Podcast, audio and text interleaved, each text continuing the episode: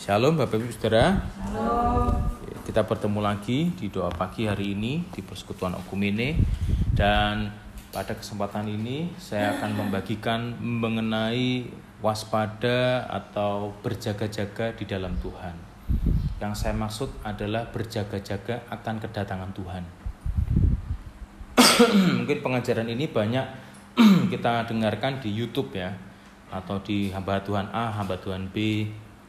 Tapi yang harus kita lakukan adalah hari-hari ini tuh bukan mengejar tanda-tanda datangnya dia, tapi bagaimana kita hidup secara waspada. Berjaga-jaga supaya ketika dia datang kapan pun kita tahu dia datang dan kita sudah siap. Jangan cuma tahu dan dan dan seneng ya tentang euforia. Wah ya Tuhan mau datang kedua harus kita dengar pengajaran A, pengajaran B, pengajaran C. Tapi kita nggak tahu bagaimana harus bersikap. Nah kita buka dulu di di Lukas ya. Lukas pasal 12. Lukas pasal 12 ayat 35 sampai 40.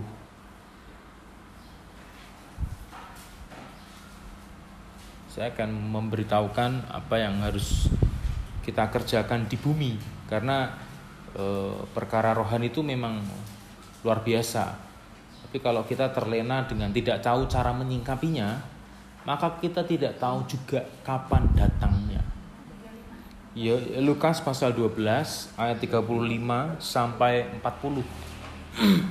Oke, sudah ketemu katakan amin. Amin. Udah banyak yang amin, sudah ketemu ya. Saya bacakan. Di sini judulnya kewaspadaan. Hendaklah pinggangmu tetap berikat dan pelitamu tetap menyala. Dan hendaklah kamu sama seperti orang-orang yang menanti-nantikan tuannya yang pulang dari perkawinan. Supaya jika ia datang dan mengetok pintu, segera dibuka pintu baginya. Berbahagialah hamba-hamba yang didapati tuannya berjaga-jaga ketika ia datang. Aku berkata kepadamu, sesungguhnya ia akan mengikat pinggangnya dan mempersilahkan mereka duduk makan dan ia akan datang melayani mereka. Dan apabila ia datang pada tengah malam atau pada dini hari dan mendapati mereka berlaku demikian, maka berbahagialah mereka. Tapi ketahuilah ini, jika tuan rumah tahu pukul berapa pencuri akan datang, ia tidak akan membiarkan rumahnya dibongkar. Hendaklah kamu juga siap sedia, karena anak manusia, A dan M-nya besar ya, itu Tuhan, datang pada saat yang tidak kamu sangkakan. Tapi saya mau bawa di ayat 35, perhatikan dikatakan, hendaklah apa? Pinggangmu tetap berikat dan pelitamu tetap menyala. Nah, itu kuncinya. Jadi kebanyakan orang Kristen hidup terlena dengan kehidupan, terus mereka tidak tidak fokus kepada pinggangnya tetap terikat dan pelitanya tetap menyala. Ujungnya apa? Mereka menjadi orang-orang yang tidak tahu kedatangan Tuhan. Mereka istilahnya begini, mereka tidak berjaga-jaga. Nah, saya mencoba menyimpulkan bahwa ternyata eh, seseorang dikatakan berjaga-jaga itu dilihat dari apa? Dilihat dari kesetiaan. Karena kesetiaan di dalam Tuhan itu dibayar dengan harga yang mahal. Kalau kita baca tadi ya di ayat 37, ayat 38, waktu tuannya datang dan hambanya itu masih berjaga, apa yang terjadi? Disuruh masuk. Ikutlah makan bersamaku. Ini kan perumpamaan yang sama dengan apa? Dengan talenta. Ya, kan ada yang dikasih satu talenta, tiga, ada yang kasih lima. Yang berhasil melipat gandakan atau menghasilkan yang lagi, ikutlah makan bersama Tuhan, ya kan? Itu artinya siapa pun yang setia, yang berhasil, nah, itu masuk bersama dengan dia. Nah, kedatangan Tuhan itu sebenarnya tidak tiba-tiba, Bapak Ibu. Hanya orang dunia yang merasa kedatangan Tuhan itu seperti pencuri.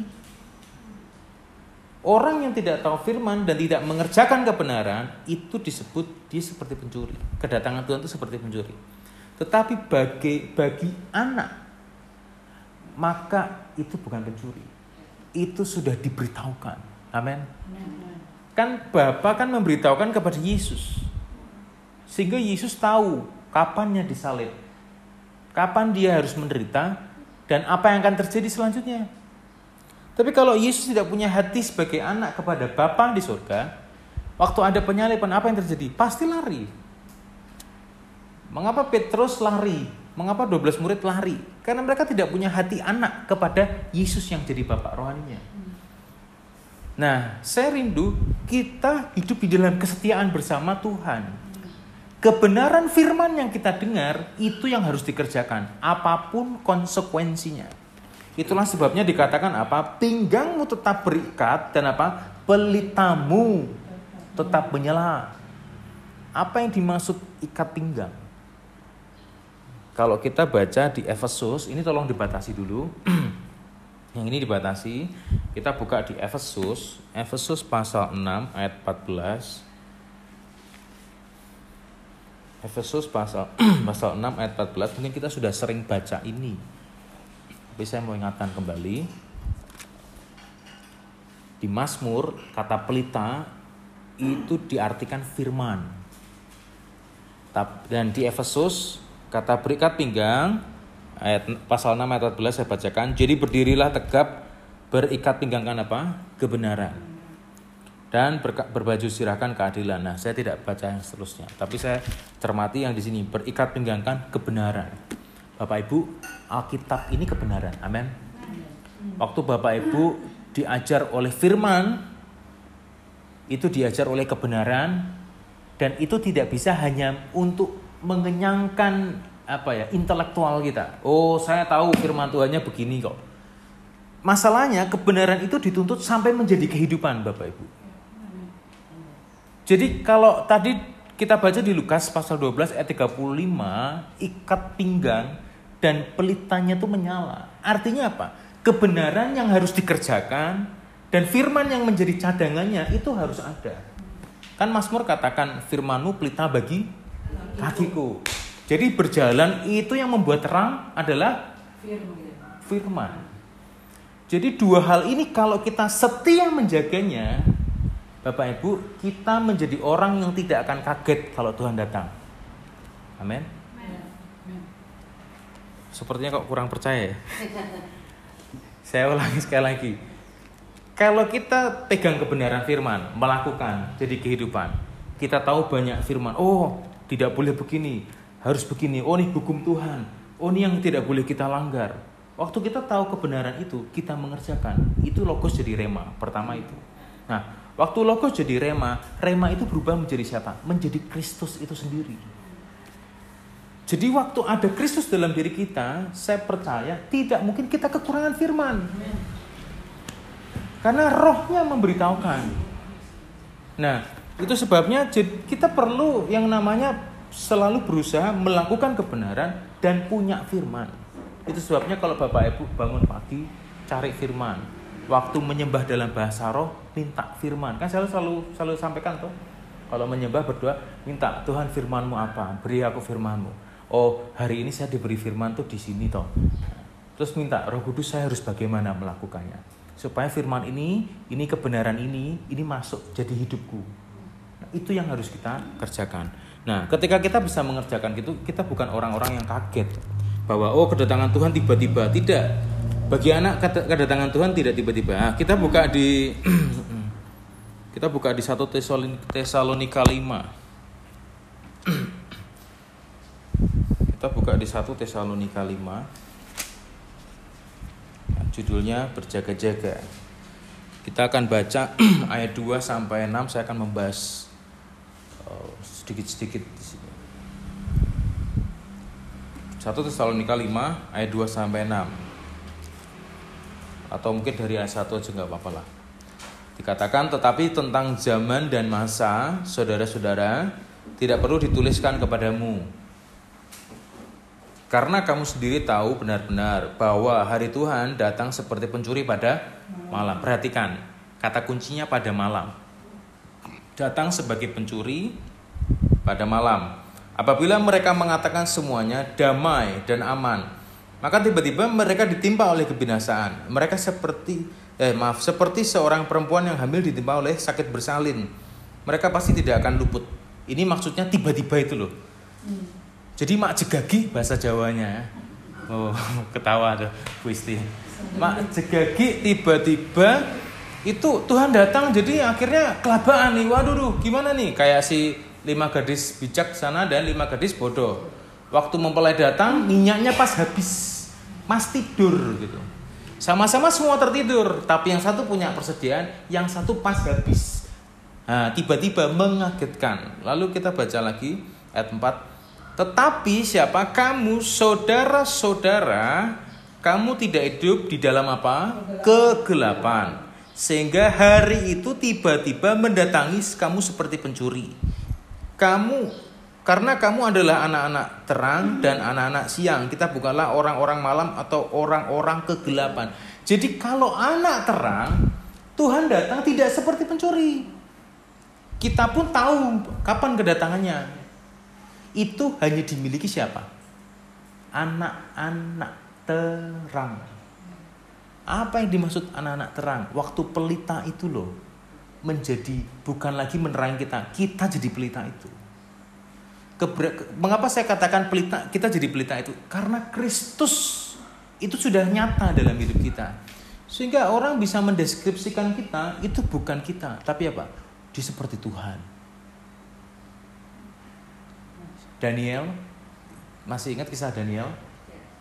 Waktu dia dibuang di gua Singa? Lalu kan, eh maaf, eh, teman-temannya ya, Sadra Mesa Abednego, waktu dibuang ke perapian kan ada, aku melihat ada empat orang. Yeah. Yang satu orang wajahnya seperti dewa. Bahkan eh, Daniel ketika selesai pengujian dia keluar dari gua singa, raja bilang apa? Semua harus nyembah Tuhannya Daniel. Hmm. Daniel sudah dianggap seperti apa? Seperti tangan kanannya dewa itu artinya apa? Dia tidak lagi dipimpin terang, dia menjadi terang itu. Saya rindu tiap-tiap kita ketika kita belajar firman, firman itu dikerjakan. Supaya apa? Terang itu, kebenaran itu menjadi diri kita. Amin. Ketika kita dituntun oleh kebenaran, lepas kebenaran, kita dibawa menuju ke mana? Ke tempat Bapak berada, Bapak Tidak mungkin firman membawa kita masuk ke neraka kalau ada firman yang membawa kita masuk neraka, keluar dari ajaran itu. Karena firman Tuhan membawa kita menuju kepada kerajaannya, tempatnya.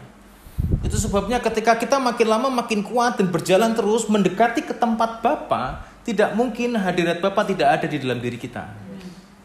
Tidak mungkin kemuliaannya keluar dari diri kita, tidak mungkin.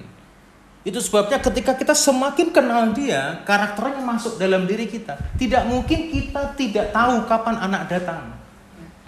Yang saya maksud anak manusia itu datang, kita tidak mungkin tidak tahu. Kita pasti tahu. Nah, saya rindu Bapak Ibu di sini kita menjadi bagian orang-orang yang tahu. Kita bukan orang gelap, kita orang di bawah terang itu sendiri.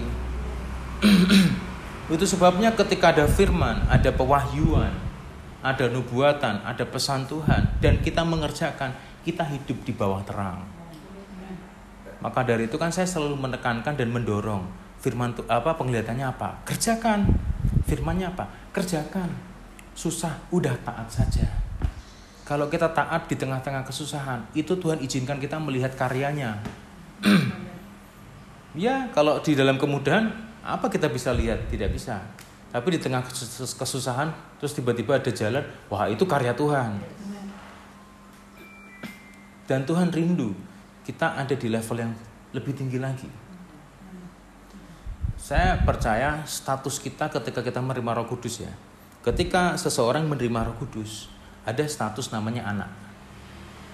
Mengapa saya katakan anak? Jadi setiap kita tuh sebenarnya statusnya memiliki status sebagai seorang anak. Mengapa saya katakan?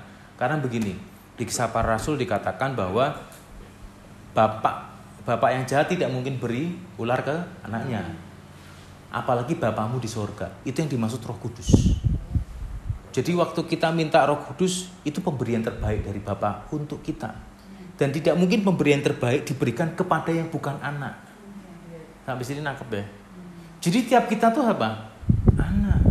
Karena kita diberikan yang terbaik. Apa itu? Roh kudus. Nah, ketika kita tahu kita dianggap sebagai anak dan ada kebenaran yang terus menaungi jalan hidup kita, kita disebut anak-anak terang yang hidup di bawah kebenaran dan tidak sembunyi-sembunyi. Itu sebabnya saya rindu tiap-tiap kita memiliki pengenalan akan Tuhan itu lebih meningkat lagi. Sehingga kita bisa berwaspada, menjaga-jaga. Ikat pinggangnya dipakai, firman Tuhannya kita punya. Jadi tidak ada yang mengagetkan ketika Tuhan datang. Dan Tuhan datang itu tidak hanya ini ya, tentang akhir zaman ya. Kematian pun itu termasuk Tuhan datang saya pernah uh, saya sempat baca teman saya tidak catat ayatnya saya tidak ingat-ingat ayatnya. Saya baca di, di Petrus misalnya di satu Petrus sampai tiga Petrus. Dia katakan seperti ini aku telah tahu Tuhan telah datang kepadaku. Sebentar lagi mati dia. Paulus ya kan aku telah menyelesaikan pertandingan. Dia tahu sudah mau selesai dia. Tapi kebanyakan orang Kristen apa? Tidak mengerjakan destiny Tuhan pekerjaan Tuhan tapi di batu nisannya tertulis aku telah menyelesaikan apa yang diselesaikan gitu. Penderitaan badani. Sedangkan kita tidak tidak hidup untuk merasakan penderitaan badani. Tapi kita hidup untuk menyelesaikan apa yang Tuhan nyatakan di bumi. Pekerjaan Tuhan. Saya rindu kita memiliki gairah dan passion ini Bapak Ibu sebagai ayat yang harus kita ah, kita lanjutkan lagi di Tesalonika tadi ya. Kita belum selesai. Ayat 6 sebab itu baiklah jangan kita tidur seperti orang-orang lain tetapi berjaga-jaga dan apa? Dikatakan jangan apa? Jangan tidur. Tapi berjaga. Apa yang dimaksud tidur? Yang dimaksud tidur adalah ketika bapak ibu terlena. Terlenanya begini. Ah lebih enak ternyata kerja itu duitnya banyak. Hari minggu cuannya lebih banyak misalnya gitu. Oh, udah nggak usah ke gereja lah. Jualan dulu. jualan dulu misalnya seperti itu yang kerja. Liburan lah cara keluarga. Masa hari minggu nggak punya acara keluarga? Misalnya seperti itu. Kan keluarga juga penting. Bapak ibu hati-hati dengan tipu muslihat iblis. Itu namanya tipu muslihat iblis. Membuat kita terlena dengan alasan yang rasional hati-hati. Itu dia suntikkan itu di pikiran kita. Oh iya ya aku nggak pernah perhatiin suamiku ya doa terus ya. misalnya gitu. Nah, hati-hati. Kita harus mintanya hikmat bukan berpikir dengan logika kita. Realistis itu kadang benar kadang bagus tapi tidak semuanya harus dipukul rata. Nah itu itu itu sama dengan tertidur. Waktu kita tahu ada jam doa tapi kita ah, kemarin kan udah doa. Udahlah besok-besok lagi aja. Ya kalau setiap mau doa kemarin terus ya gak doa doa gitu. Mau doa aduh aku badanku rodok lesu agak capek gitu. kerjaan rumah masih banyak. Hati-hati.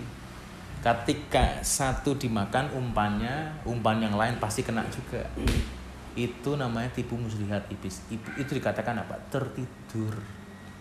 Terlena dengan keadaan tidak punya gairah untuk berjuang ke Tuhan, tidak punya passion atau hasrat untuk menyembah secara lebih, itu namanya tertidur. Hati-hati Bapak Ibu, saya pun menjaga ini. Gitu. Siapa pun yang masih jadi manusia dan dan dan masih nyembah Tuhan Yesus, posisi tertidur ini bisa menimpa siapa pun, pendeta, jemaat, mau siapa pun. Jadi uh, jagai diri dengan berikat pinggang dan bawa pelita firman. Kalau males, kalau pas lesu, Roh Kudus beri aku kekuatan. Mintanya sama Roh Kudus. Jangan yang lain, pokoknya Roh Kudus aja gitu. Kalau yang pasang yang lain males juga, ya kita ikut males lagi nanti. Itu sebabnya anak-anak terang dan anak-anak siang itu harus menjadi nature-nya kita Bapak. Nature itu apa sih karakter kita di mana kesukaan kita itu hadirat Tuhan. Kan di Mazmur katakan lebih baik satu hari satu hari di pelataranmu daripada seribu hari di tempat lain. Bapak Ibu, itu hatinya Daud itu. Itu hatinya Daud, itu cintanya Daud tuh kayak gitu. Aduh Tuhan mending aku satu hari deh di pelataran. Betapa dia tuh haus. Nah, itu yang dimaksud berjaga-jaga. Membuat kita panas sama Tuhan ketika kita berdoa, berdoa sampai Tuhan bicara. Wah, itu panas itu pasti.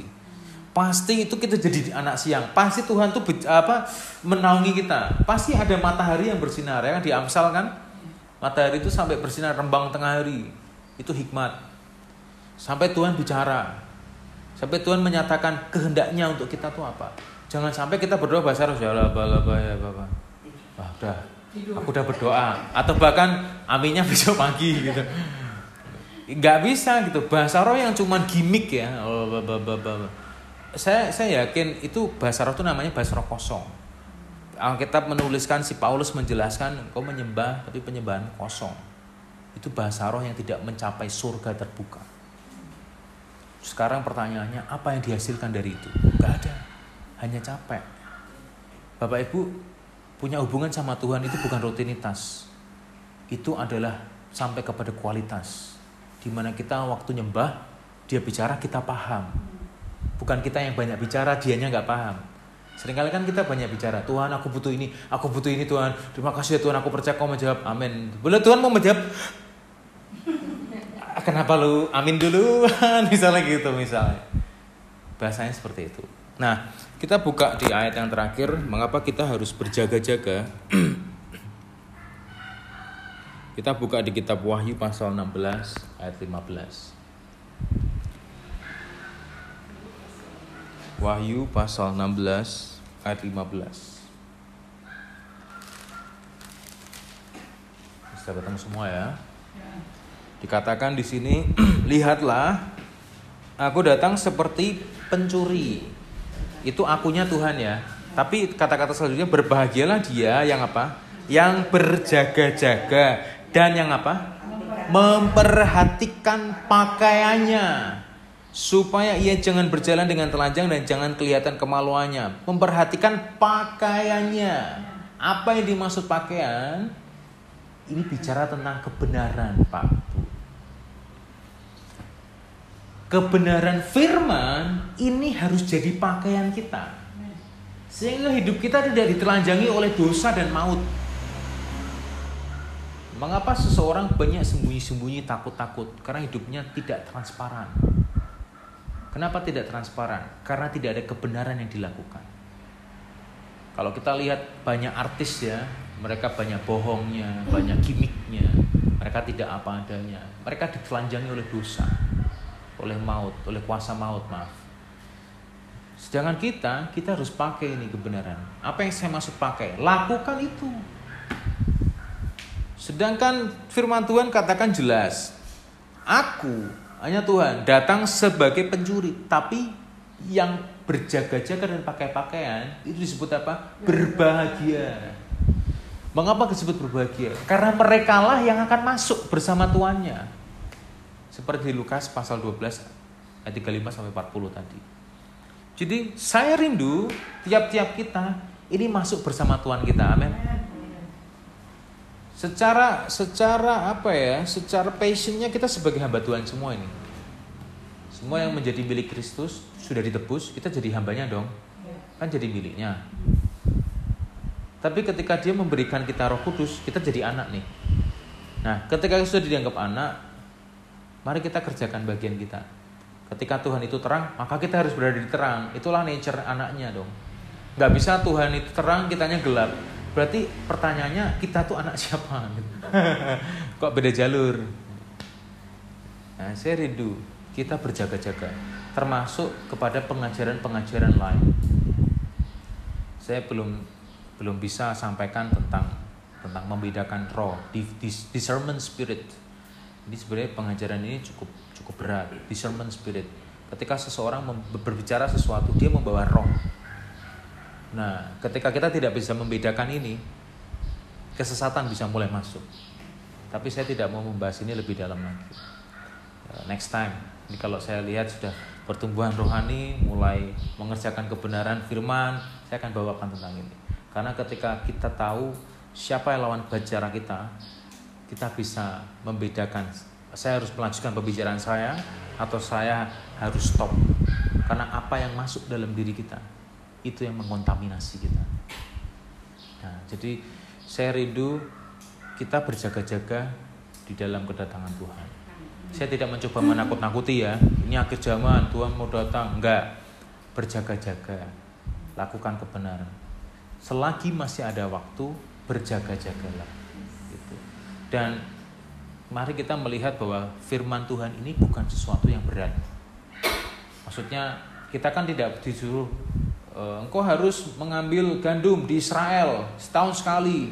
Kita nggak perlu transport ke sana toh gitu. Kita hanya melakukan apa? Tuhan yang maunya apa? Lewat wahyuan atau lewat firman. Dah gitu saja. Jadi saya rindu e, melalui firman ini kita semua dibangun dan dibentuk di dalam kebenaran yang sejati. Ini pakaian kita Bapak Ibu. Kalau kita nggak pakai pakaian ini, iblis sudah siap mengambil kita. Karena kita bukan jadi bagian dari anak terang. Anak terang tidak lagi hidup di dalam kegelapan, Bapak Ibu. Anak terang hidup di tempat terang. Sedangkan anak malam hidup di tempat gelap. Siapa itu? Itu orang-orang dunia yang tidak mengenal Kristus. Amin Bapak Ibu. Jadi saya rindu firman Tuhan yang mungkin sebentar ini membawa kita lebih paham lagi bagaimana cara kita hidup sebagai orang yang beriman. Tidak hanya hidup mendengar firman yang bicara hanya tentang berkat, berkat, berkat, kesembuhan, kesembuhan, kesembuhan, tapi Tuhan itu juga menyatakan engkau harus berjaga-jaga. Jangan sampai aku datang kau tidak tahu. Tapi kita sudah tahu, oh ini bapakku mau datang. Dia sudah kasih tanda. Itu sebabnya tadi dikatakan di Tesalonika, zaman itu tidak perlu dikasih tahu. Yang perlu kasih tahu adalah berjaga-jaga saja sebagai anak terang. Siap? Siap. Puji Tuhan, Tuhan Yesus memberkati.